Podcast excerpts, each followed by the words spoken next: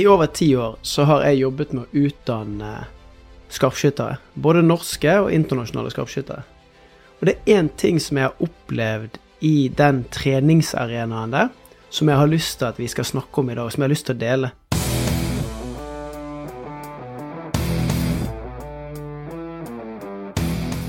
Hjertelig velkommen til 10 minutt med Tim Rudi og Marius. En Heart Mentality-podkast.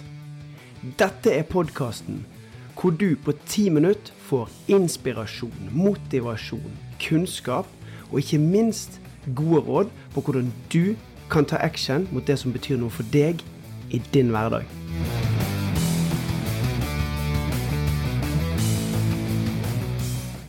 Og som jeg tror egentlig er veldig sånn universalt, og noe som vi alle vi mennesker egentlig står i. Det er bare det at når skarpskytteren er i en utdanningssituasjon, så er alt så mye mer ekstremt. Det er så tilspisset, det er så høye krav. Både til presisjon, til disiplin, til læring, eh, til utholdenhet. Og det handler om å kjempe mot forutsetningene. Altså, vi kalte det for å fighte forutsetningene. Og hva er det det egentlig betyr? Jo, det betyr at når vi begynner utdanningen av disse spesialistene, og kursdagene starter, så kan jeg oppleve at det er, er kanskje en håndfull da, av kursdeltakerne som henger igjen. Der du hører 'ja, men det er for lite tid til å gjøre oppgaven', eller 'vi har ikke riktig utstyr', eller 'vi kunne ikke gjort dette på en annen måte'. Og, og det som er, er at da kjemper de mot rammene. Rammene er satt. Rammene for treningsscenarioet er satt men de henvender seg fortsatt til andre faktorer som de kanskje er vant til å bruke. Og Et annet eksempel som jeg har lyst til å ta med inn, det er eh, det finnes en oppgave der man bygger, eh, bygger team, samspill og kommunikasjon. Og I den oppgaven så skal man bare kommunisere muntlig, og så får man informasjon på lapper. Og det som er så artig, er at hver gang jeg kjører den ute i team, ute i organisasjoner, så er det alltid noen i rommet som tar opp hånden og sier 'Kan ikke vi få bruke penn og papir?' Her går det ikke an å vise lappene til hverandre. Og det her er noe som jeg har lyst til at vi skal snakke om, Marius.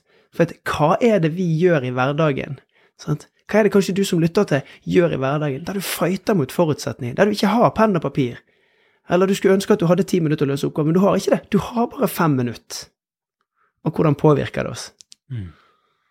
Altså, det her er jo uh, Altså, hvis man klarer å, å, jobbe med det her, da, det, det, tenker jeg kan gjøre en uh, ganske, ganske, stor forskjell. For det her er jo veldig lett, uh, sånn som du beskriver i det eksempelet her, da. Det er veldig lett å henge seg opp i Ja, men vi har jo ikke fått uh, rett utstyr, vi har jo ikke fått de riktige omstendighetene, og begynne å gå litt i den rollen der, da, hvor du begynner å skylde på og skyve ting vekk, istedenfor å faktisk ta ansvaret, da. Men, men, hva er det som er viktig, da? Du, de, de som håndterte de tinga her bra, hva var det de gjorde annerledes? De aksepterte at rammevilkårene var sånn som de var. Og en del av det å drive utdanning av soldater, og egentlig utdanning av mennesker, det er at alt kan gjøres på to minutter. Og så er det de som raskest forstår at to minutter er alt jeg har.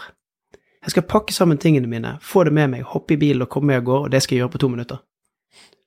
I det øyeblikket du har aksept for rammevilkårene, så vil både hjernen din og det du søker etter, leter etter hvordan kan jeg løse dette på 120 sekunder, kontra å bruke la oss si 20 med energi da, på å tenke at ja, men dette tar egentlig fire minutter.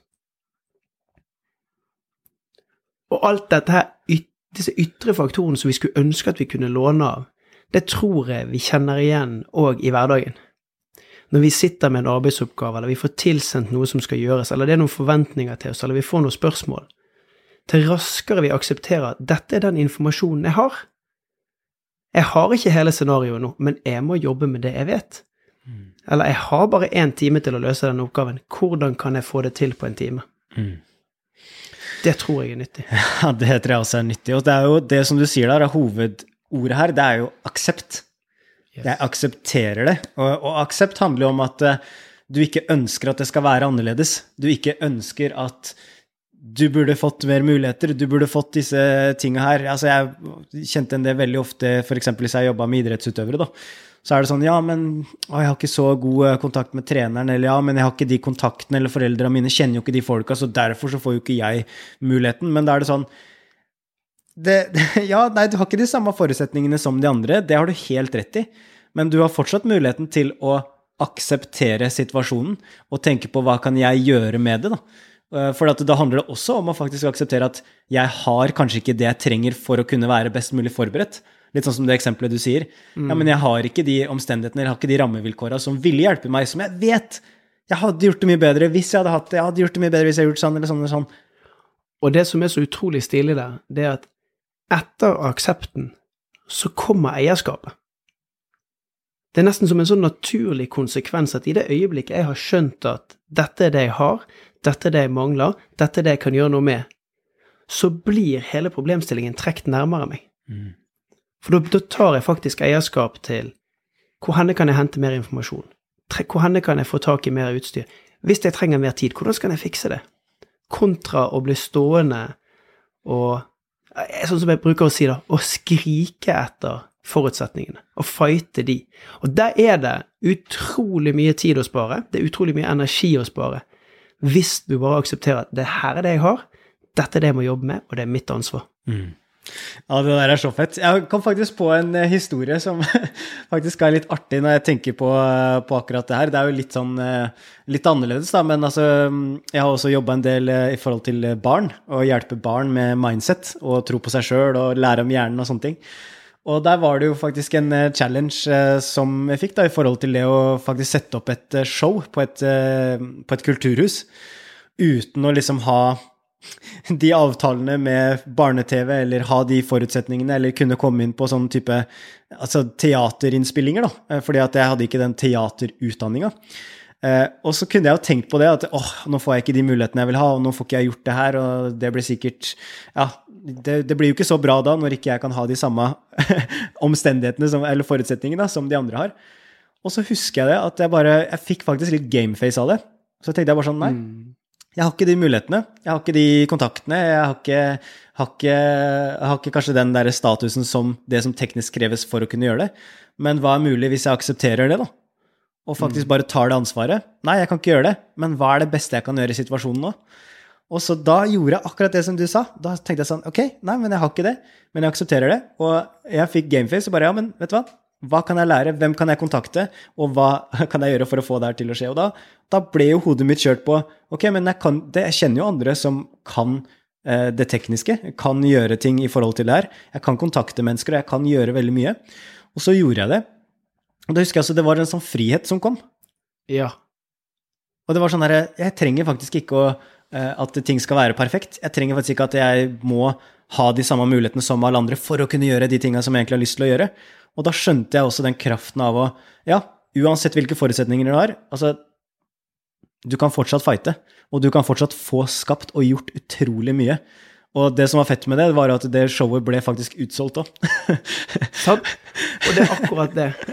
Så for det at Tenk deg hvis du gir slipp og aksepterer forutsetningene.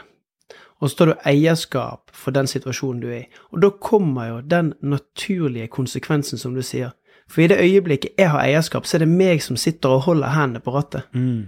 Og det er du som setter deg i førersetet og tar eierskap til det. Uansett, Det kan godt være det er en forferdelig situasjon, det er bare dritt. Mm. Og det er vanskelig, og det er slitsomt, og det er tungt.